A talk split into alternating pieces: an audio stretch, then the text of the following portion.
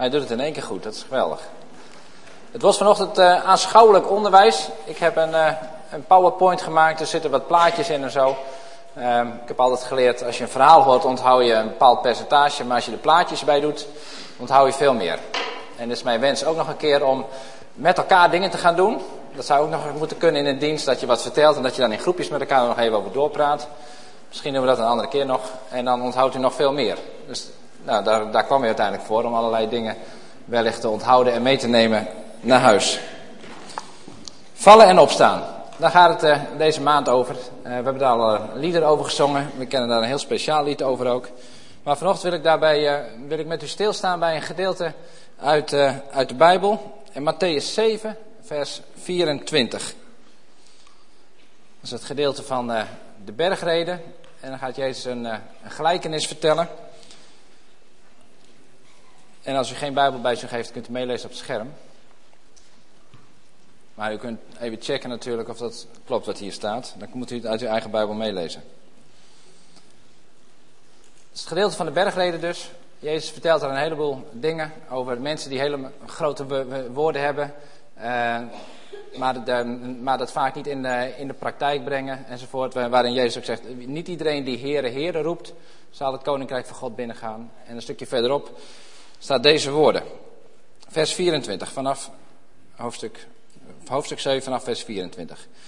Wie deze woorden van mij hoort, zegt Jezus dan, en ernaar handelt, kan vergeleken worden met een verstandig man die zijn huis bouwde op een rots. Toen het begon te regenen en de bergstromen zwollen en er stormen opstaken en het huis van alle kanten belaagd werd, stortte het niet in, want het was gefundeerd op een rots. En wie deze woorden van mij hoort en er niet naar handelt, kan vergeleken worden met een onnadenkend man die zijn huis bouwde op zand. Toen het begon te regenen en de bergstromen zwollen en er stormen opstaken en er van alle kanten op het huis werd ingebeukt, stortte het in. En er bleef alleen een ruïne over. Waarschijnlijk niet een heel nieuw verhaal voor u, natuurlijk ken ik u niet allemaal. Maar dit is uh, het verhaal wat ook op de kinderclub uh, wel verteld wordt, waar we liedjes van kennen. En de regen stormde neer en de vloed kwam op enzovoort. Dus dit is denk ik niet een heel nieuw verhaal. De kunst is om dit verhaal over te zetten naar deze tijd en om het ook persoonlijk te maken. Dus vandaag probeer ik de gelijkenis nog een keer te vertellen, maar dan meer in deze tijd met wat voorbeelden van onszelf erbij, zodat het hopelijk uh, bij ons gaat aanspreken. En zegt van oké, dit past een beetje in mijn situatie. Ik ga het proberen. Allemaal redelijk te zien. Dit bent u. Ja? Dat wist u niet, maar dit stelt u voor. Ja, u bent een gelukkig mens en uh, u hebt de dingen mooi, uh, mooi voor elkaar. En op een hele mooie gezegende dag uh, zit u even te internetbankieren. En dan kijkt u, verdikkie, er is 350.000 euro op mijn rekening gestort. Dat is niet gek. Dat is niet gek. Nou, u helemaal blij. En wat kunt u doen? U denkt, dan ga ik een mooi huis verbouwen. Dus, tadaan, daar komt het huis aan. En u heeft een fantastisch huis. Dit is uw droomhuis. Met een mooie badkamer, met een mooie douche, met een, uh, weet ik wat allemaal. Mooie kamers, mooie slaapkamers, mooie tuin enzovoort. Aan de rand van Drachten, een hele mooie plek. U heeft daar een woning, u geniet ervan. Uh, lekker barbecuen in de zomer, heerlijk genieten. Geen last van allerlei mensen enzovoort. In ideaal mooi huis. En op een andere gezegende dag, zie daar, komt iemand anders. Uw buurman. Uw buurman is een tijdje aan het internetbankieren geweest en die kijkt, hé, hey, 350.000 euro. Dit is geweldig. Weet ik ga daarmee gaan doen, daar ga ik een huis mee bouwen. Nou, dan komt het huis aan en zie daar een geweldig mooi huis. Ook een mooi huis gebouwd naast die van u. Nou, helemaal mooi natuurlijk. Uh, een mooi huis met een mooie badkamer, mooie tuin enzovoort. Dus het zit allemaal heel mooi voor elkaar. En het aardige is, u kunt het ook heel goed vinden met uw buurman. Dus samen barbecuen, samen in de zandbak spelen met de kinderen enzovoort allemaal. Het is allemaal heel erg leuk. Dus u geniet volop van de tijd dat u uh, daar uh, bent. En op zondagochtend stapt u op uw fietsje. U gaat naar een evangelische gemeente hier. U bent actief in de kerk. U bent helemaal geweldig. En uw buurman ook. Eh, weliswaar naar een andere gemeente, maar daar ook helemaal blij mee. Dus u geniet de tijd van uw leven er met elkaar. Dat duurt een tijdje. Laten we zeggen zeven jaar, want dat doet het altijd goed. Hè, zeven jaar. En dan, op een gegeven moment, dan is de zonnige periode in jullie een beetje voorbij. Het ging allemaal heel goed en dergelijke, maar het wordt een beetje minder. Er komen wat donkere wolken aan. Zowel bij die van u als bij de buren. Ja, deze zijn goed donker op het scherm. Ja. Niet alleen dat, het begint ook hard te waaien, het begint wat te stormen en uh, het begint wat te trillen. Dus u doet de deuren wat dicht van, uh, van huis en de ramen wat dicht, de kinderen naar binnen, het speelgoed naar binnen, fietsen in het hok enzovoort, de buren ook en weet ik wat allemaal. En in de verte hoort u al gerommel en gedrommel en weet ik wat allemaal. En zie daar, er komt toch een onweersbui aan. Bam. Helemaal spannend enzovoort enzovoort. Nou, dit is een beetje het verhaal. Nou ben ik vergeten te vertellen wie van die twee op het zand bouwde en op de rots. Want ik zou het verhaal na vertellen. Dus dat is wel heel spannend. Want wiens huis valt nou uiteindelijk om? Die van uw buurman, die een heel goed mens is, netjes voor de mensheid is en in de kerk actief is. Of die van u. goed eh, voor de mensheid is, netjes ook in actief eh, in de kerk en dergelijke. Als die storm heftiger wordt, en die gaat heftiger worden, wat gaat er dan uiteindelijk gebeuren? Moet u een schuilplaats zijn voor de buren? Want natuurlijk kunnen de buren bij u terecht als dat huis uh, weg dreigt te vallen. Of gaat u schuilen bij de buren? Want als uw huis wegvalt, dan zult u bij de buren terecht moeten komen. Spannend, hoe loopt het af? Nou, zoals het in elk tv-programma komt er eerst wat van reclame tussendoor en dan gaan we hier zo meteen mee verder. Want ik wil eerst iets anders met u bespreken, wat hier natuurlijk alles wel, wel mee te maken heeft. Oh ja, dit hoorde er nog bij. Wie, welk huis gaat er uiteindelijk om. Dit uh, verhaal suggereert dat het heel verstandig is om een huis op de rots te bouwen. Ja, wat voor voordelen heeft het nou? Want als je je huis op de rots bouwt, dan heb je een hele stevige ondergrond. Dus je hebt een stabiele ondergrond. Als je een duidelijk fundament hebt, een duidelijk uh, rots waar je je huis op bouwt, dan, dan heeft dat zijn grote voordelen. Want je kan je huis verankeren op die rots. Je huis staat dan stevig vast en als het dan hard waait, als er stormen komen enzovoort, dan blijft dat huis staan. Dus dat biedt bescherming tegen storm. Dat geeft stevigheid aan het huis, dat geeft stevigheid aan uzelf als u in het huis bent. Uh, u blijft droog enzovoort. En dat geeft een heel stuk veiligheid voor wat er allemaal kan gaan gebeuren. Nou, dit zijn dingen die heb ik zelf bedacht en die, en die dingen kan u ook bedenken. Als je huis op een rots bouwt, dan, uh, dan heeft dat heel veel voordelen. Want doe je dat niet en er komen stormen, dan kan het wel eens heel slecht aflopen.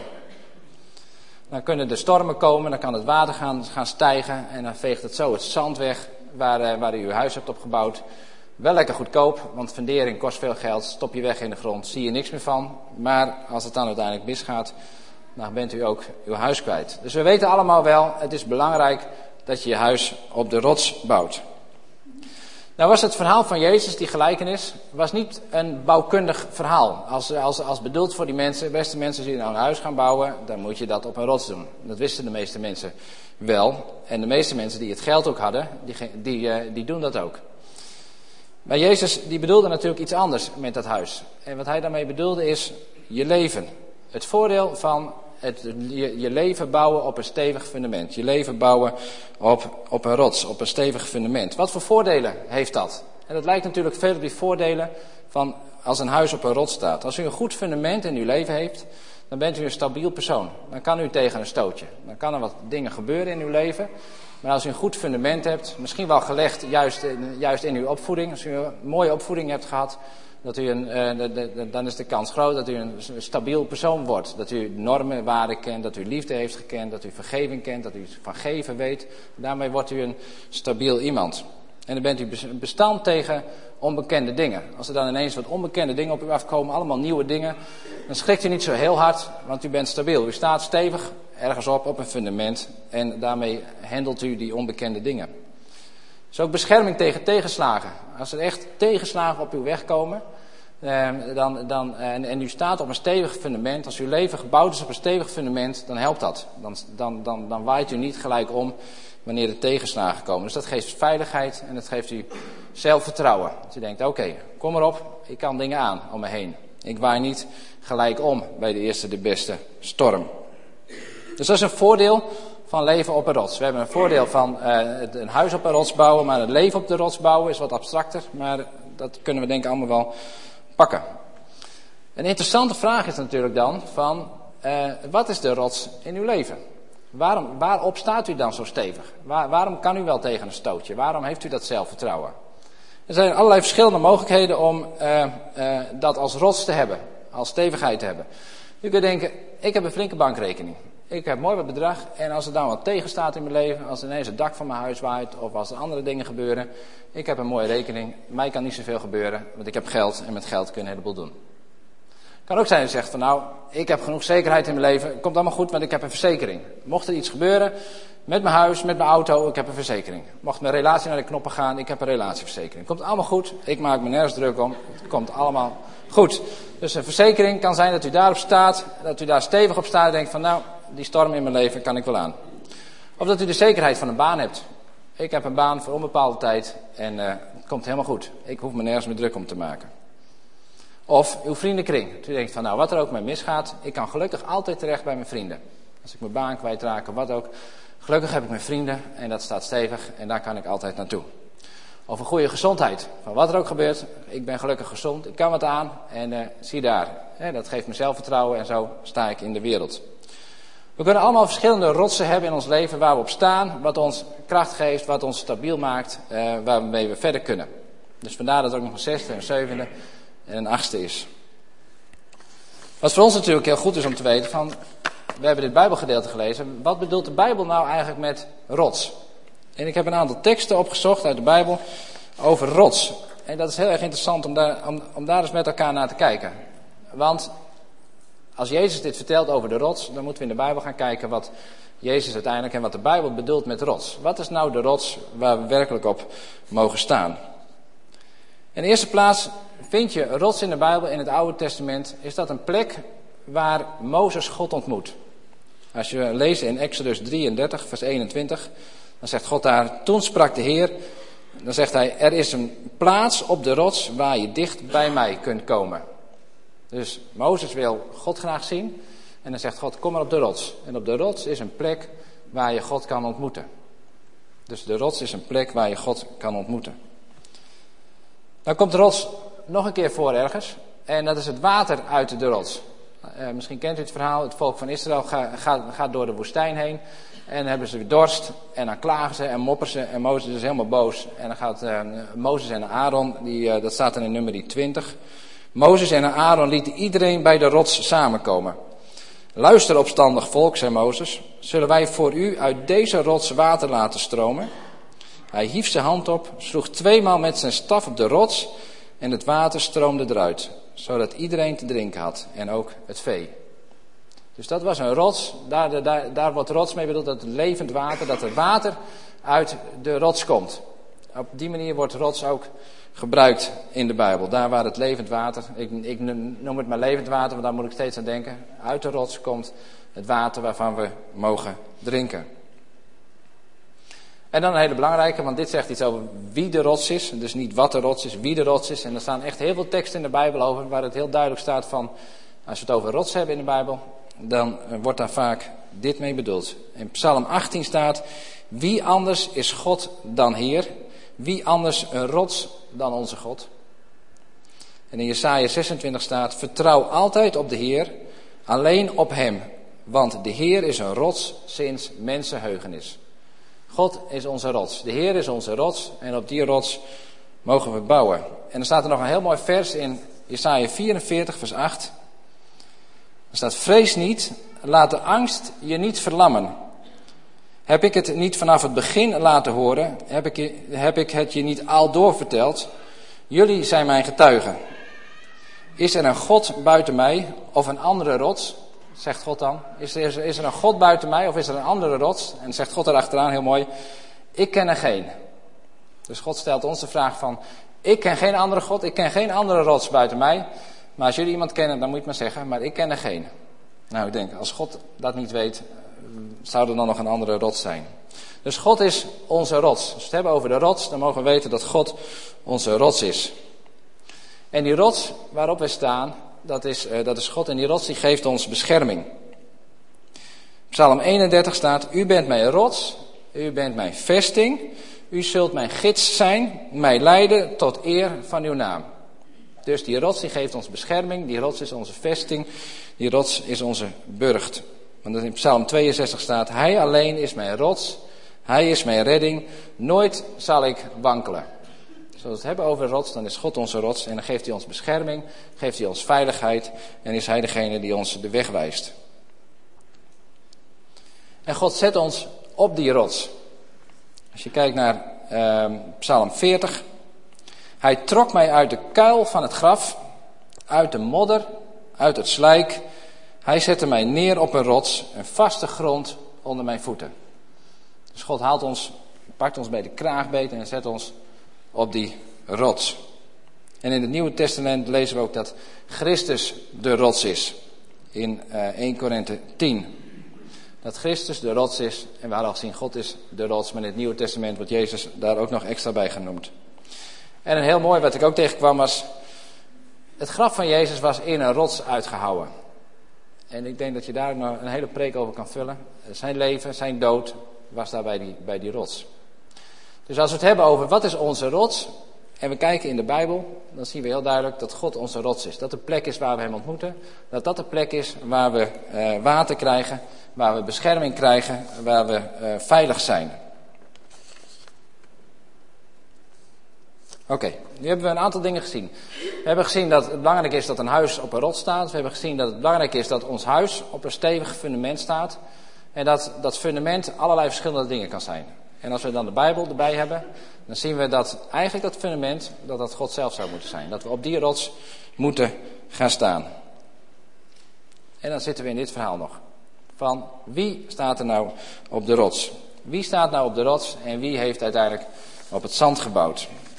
En dat u zich maar afvragen en dat ik me net zo hard maar afvragen van, leef ik op die rots? Sta ik op die rots?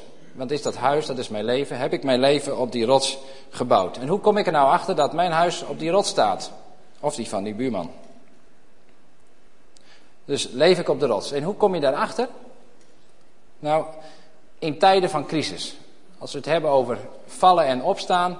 Nou, als je eens een keer flink valt, dan kom je erachter waar jouw leven op gebouwd is. In tijden van crisis. En vooropgesteld, een crisis is niet leuk. Ik ga er straks wat, wat, wat, wat simpeler over doen, maar als je in een crisis van je leven zit, dan is dat echt niet leuk. Dan is dat niet een pretje en dan heb je gewoon dikke, dikke pech. Als je je baan verliest, als, er, uh, als je ziek wordt, als je ruzie hebt in je familie of wat dan ook, dan kom je in een crisis van je leven en dat is niet leuk. Dus als ik het heb over crisis en ik doe er wat leuk over, dan bedoel ik niet dat die crisis leuk is. Maar die crisis kan ons wel wat, leren. Want iedereen komt vroeg of laat in een crisis terecht. De een misschien in een hele grote crisis voor hemzelf. Maar vroeg of laat denk ik dat iedereen wel door bepaalde crisis in zijn leven heen gaat. Dat het flink tegen zit. Dat het niet allemaal meer voor de wind gaat. Dat de zon niet meer schijnt. Maar dat die donkere wolken komen. Dat er onweer komt in je leven. En je denkt van hoe ga ik dit voor elkaar krijgen? Hoe box ik dit allemaal voor elkaar? En in die tijden van crisis dan kun je ontdekken waar is mijn leven op gebouwd. Dan ontdek je waar jij je leven uh, hebt op gebouwd. Dus dat is het voordeel van die crisis. Kom je tot ontdekking uh, dat, uh, de, dat, dat datgene wat je gelooft, dat je dat ook daadwerkelijk doet. We zingen hele mooie, mooie liederen altijd met elkaar. en, dat, en, en, dat hebben we nu, nu, nu ook gedaan. Waarin we zingen dat God onze rots is. Dat we van hem houden, maar nooit zoveel als nu. En Katrine zei het al. Het is mooi om te zingen, maar het is soms moeilijk om in, in praktijk te brengen. We hebben liederen gezongen van als je op die rots staat, dat je dan niet wankelt. En dat God ons vasthoudt. En dat is een groot getuigenis en dat is goed. En als je in de Bijbel leest, dan klopt dat allemaal. En als de zon schijnt in je leven, dan kun je die woorden zingen. Dan kun je geweldige psalmen eh, zingen met elkaar, mooie opwekkingsliederen. En dan is het allemaal geweldig en heel erg mooi met elkaar. Maar als je in de crisis van je leven komt, dan gaat blijken of datgene wat je geleerd is, datgene wat je gezongen hebt, datgene wat je altijd gelooft, of je dat ook daadwerkelijk in de praktijk kan brengen. En dat is niet zo heel erg makkelijk. Als je op, op, op, op zondag deze mooie, mooie woorden zingt, maar op maandag misschien bij een arts zit en die dokter je vertelt dat het niet goed met je gaat, uh, hoe sterk zijn nog die woorden die je toen op zondag gezongen hebt? En als je op dinsdag op je werk komt en je hoort dat je ontslag krijgt, dan staat je leven er heel anders voor. En dan zing je die liederen op een hele andere manier. En als je op woensdag in de rij bij de supermarkt staat en je pincode zeker weten juist is, maar je geld onvoldoende is op je rekening en je boodschappen moet laten staan, dus dat je onvoldoende geld hebt om de rest van de maand om te komen, zing je dan nog heel hard deze woorden van ik hoop op u, ik vertrouw op u, u bent mijn rots, u bent mijn vesting, u bent geweldig, bij u kan ik altijd terecht. Halleluja, dank u voor deze fijne, mooie, mooie mogelijkheden. Maar dan in die crisis van je leven, op dit soort momenten, dan komt het erop aan. Als je op donderdag ruzie hebt met je echtgenoot of met je familie, met je vrienden. Als die spanning ontstaat, wat zingen we dan nog met elkaar? En als je op vrijdag de nood in de wereld ziet, als je dan uh, ziet wat voor ellende er in de wereld is, dan zakt de moedje soms in de schoenen. En dan zit je op zaterdag misschien aan een bakje koffie en dan ben je al je hoop kwijt. En dan denk je, hoe moet dit ooit worden met mij, met mijn familie? Hoe moet dit ooit worden in het leven? En in die crisismomenten, dan is de vraag waar je voor kiest. Waar valt u op terug? Waar val ik op terug? Val ik dan terug op een mooie bankrekening, op een mooie baan, of weet ik wat allemaal, wat misschien al weg is gegaan? Of val ik dan werkelijk terug op datgene wat ik geleerd heb? Sta ik dan werkelijk op de rots? In tijden van crisis, als het echt gaat stormen in je leven, wat voor fundament heeft u dan? Waar staat u dan op? Of is die storm zo krachtig dat het het fundament van u wegvaagt en uw kopje onder dreigt te gaan? Laten we nog even kijken naar uh, de, de, de versen uit Matthäus 7.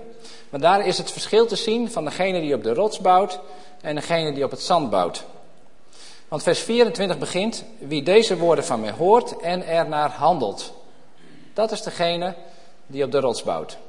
De verhalen zijn beide identiek, maar het begint net even anders. Wie er naar hoort, wie mij hoort en er naar handelt, die is op de rots. En in vers 26 staat, wie het hoort, dus dat is wel hetzelfde, maar wie er niet naar handelt, dat is degene die op het zand bouwt. Dus beide mensen horen het woord van God, zingen daar misschien over, zijn helemaal blij en gelukkig enzovoort enzovoort. Uh, maar de een die handelt ernaar in die tijden van die crisis en de ander niet. En ik denk dat dat het verschil is. En dat dat, ook de, de, de uh, hamvraag is de, deze ochtend. Want ik wil u niet allemaal antwoorden mee naar huis geven van nou dit is allemaal fijn. Ik wil u vanochtend meer vragen mee naar huis geven. Dat u vragen mee naar huis neemt en dat u denkt van oh daar wil ik voor mezelf een antwoord op hebben. Bent u gebouwd op de rots? Bouwt u uw leven op de rots? Of bouwt u uw leven op het zand? En die hamvraag is dan, doet u in de crisis datgene wat u eerder hebt beleden? Als het spannend wordt in uw uh, huis, in uw leven, bouwt u, gaat u dan inderdaad voort op datgene wat u geleerd hebt? Of grijpt u terug naar allemaal andere dingen die ook zekerheid geven? En als we dan weer in dit verhaal komen, dan komt de anticlimax. Ik kan u niet vertellen welk huis instort.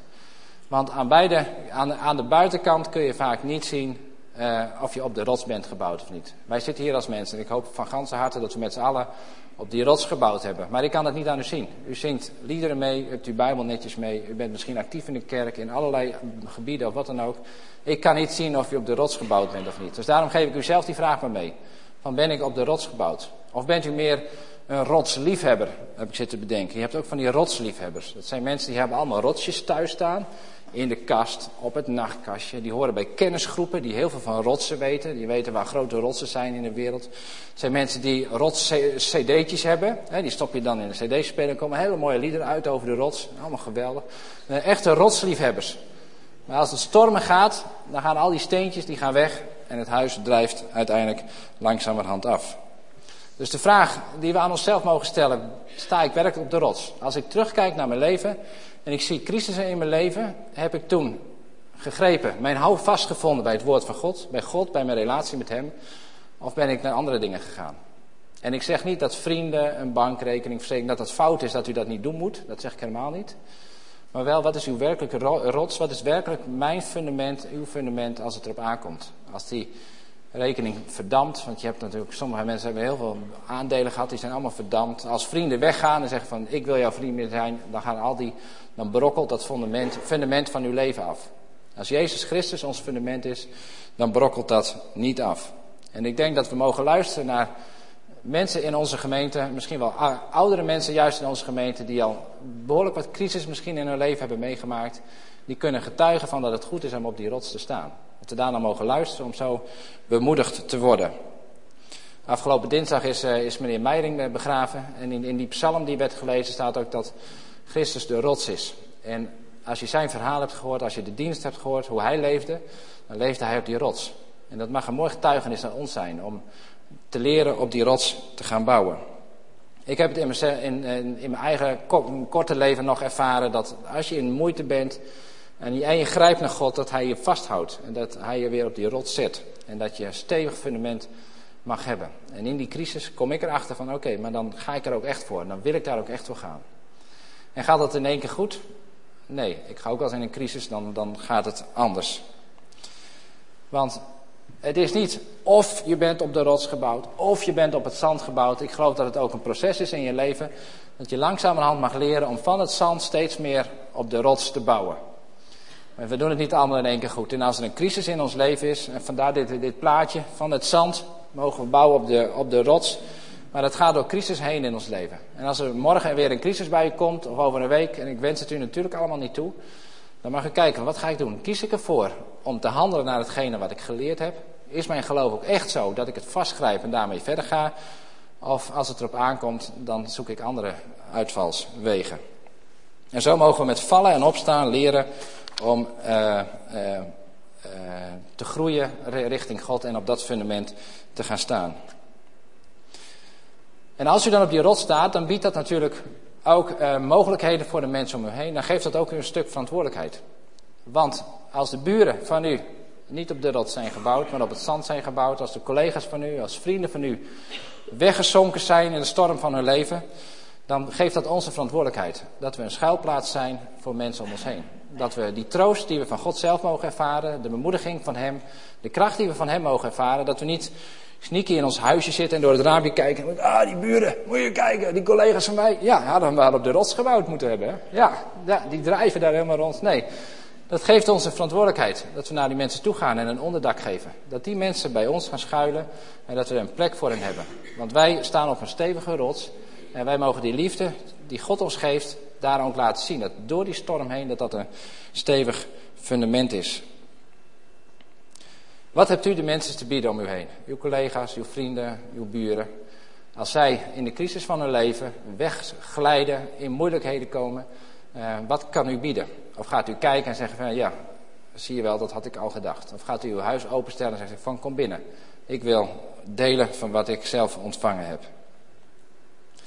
Dat is op persoonlijk gebied. Maar ik zou nog een kort, uh, een kort uitstapje weer, willen maken van, van, van, van persoonlijk gebied naar gemeentegebied. Wij zijn uh, de Open Thuisgemeente en wij zijn een gemeente van Jezus Christus. En dat betekent dat wij als gemeente ook op een rot staan. Ik kwam in Google een kerk tegen die echt letterlijk op een rot staat. Of hij is gefotoshopt. Nou ja, hoe dan ook. Hij een kerk die echt op de, op de rot staat. En zo mogen wij als Open Thuisgemeente mogen wij op die rots gaan staan. En staan wij op die rots die Jezus Christus is. En als dan de wereld om ons heen, waar we zelf middenin staan, vol zit van een echte economische crisis, wanneer het om ons heen gaat. En mensen hier in Drachten hun baan dreigen te verliezen, wanneer er moeilijkheden zijn, mensen hun huur niet meer kunnen betalen of hun uh, hypotheek niet meer kunnen aflossen en hun huis te koop moeten aanbieden. Als er om ons heen die storm komt, dan mogen wij op die rots blijven staan. Maar dat geeft inderdaad die verantwoordelijkheid. Of als die Mexicaanse griep om ons heen grijpt en mensen bang worden. Denk van, wat gaat er met mij straks gebeuren? Wat gaat er met mijn kinderen gaan gebeuren? Dan zijn dat grote stormen om ons heen in onze samenleving waarin we allemaal een deel van zijn. En als wij het geloof hebben en als wij beleiden en als wij met elkaar roepen van, maar wij zijn een kerk, wij zijn een gemeente van Jezus Christus op de rots, dan betekent dat dus dat wij die mensen om ons heen iets te bieden hebben. Dan hebben wij stevigheid te bieden. En niet vanuit een arrogantie, maar omdat we op die rots staan, omdat Hij ons op die rots heeft gezet. Dan hebben wij troost te bieden, hebben we liefde te bieden aan mensen om ons heen. Dat geeft onze verantwoordelijkheid om daar wat mee te gaan doen. En hoe kunnen wij als, als, als kerk een rol spelen in deze crisis die op dit moment uh, over ons heen gaat, over die storm die om ons heen gaat, zowel een economische crisis als een uh, medische crisis en misschien wel op heel veel andere gebieden. Dat is een vraag die ik ook mee wil geven. Wat kunnen wij als kerk daarin doen? En wat is onze rol daarin in deze samenleving? Want wij staan op die rots. We hebben wat te bieden. We hebben een geweldige kans. Ik zag deze foto op, uh, op nu.nl van uh, de tyfoon in de, in de Filipijnen. En ik denk, ja, deze mensen zijn alles kwijtgeraakt. En toen kwam ik die Bijbeltekst tegen die ik u al eerder gelezen heb. Hij trok mij uit de kuil van het graf, uit de modder, uit het slijk. Hij zette mij neer op een rots, een vaste grond onder mijn voeten. Wij zijn zelf niet op die rots geklommen. We hebben niet zelf een rots gebouwd en gezegd, nou geweldig, hebben wij een mooie rots, hebben wij wat te bieden. Nee, Jezus Christus kwam vanuit de hemel op aarde en kreeg zelf natte voeten, ging in de modder staan, ging in de slijk staan en zette ons, hij pakte ons beet en hij redde ons en hij zette ons op, op die rots. Wij waren net zo hulpbehoevend als deze kinderen hier die daar alles kwijt zijn geraakt. Misschien wel, ik ken het verhaal van deze mensen niet, maar dat, zo lijkt het wel. Mensen daar in de Filipijnen die alles zijn kwijtgeraakt. En wij mogen naast hun even in het water springen en hun pakken. Hun hand toereiken. En in de naam van Jezus mogen we ze op die rots trekken. En zo mogen wij een kerk zijn die uh, ja, in, in, in, in de crisistijd hebben wij als kerk ontzettend veel mogelijkheden, heel veel nieuwe kansen om te laten zien dat de kerk op de rots gebouwd is. En ik heb hier wat foto's van, uh, van internet ook weer gehaald. Dat op allerlei plekken, in ontwikkelingslanden, maar ook hier gewoon thuis in Nederland. Die dozen bijvoorbeeld is een uitstekend voorbeeld. Daarin mogen wij geven. En dan kunnen we laten zien dat wij, ook al is er een crisis in Nederland, ook al zijn er weet ik wat allemaal, wij willen geven. Wij willen mensen om ons heen helpen. In praktische zin, maar ook in geestelijke zin. Dus ze helpen om een stuk te vergeven misschien in hun leven. Om weer hoop te krijgen, om weer toekomst te krijgen. En ik wil ons als kerk oproepen om uh, die hoop te zijn. En om uh, iets van die hoop weer te geven in deze wereld. Zodat mensen door die hoop heen, door die kleren heen, door die uh, praktische hulp, door een bemoedigend woord, door een kaartje. Dat mensen gaan zien dat wij werkelijk op een rot staan. Daar wou ik het bij laten. En ik wil met u bidden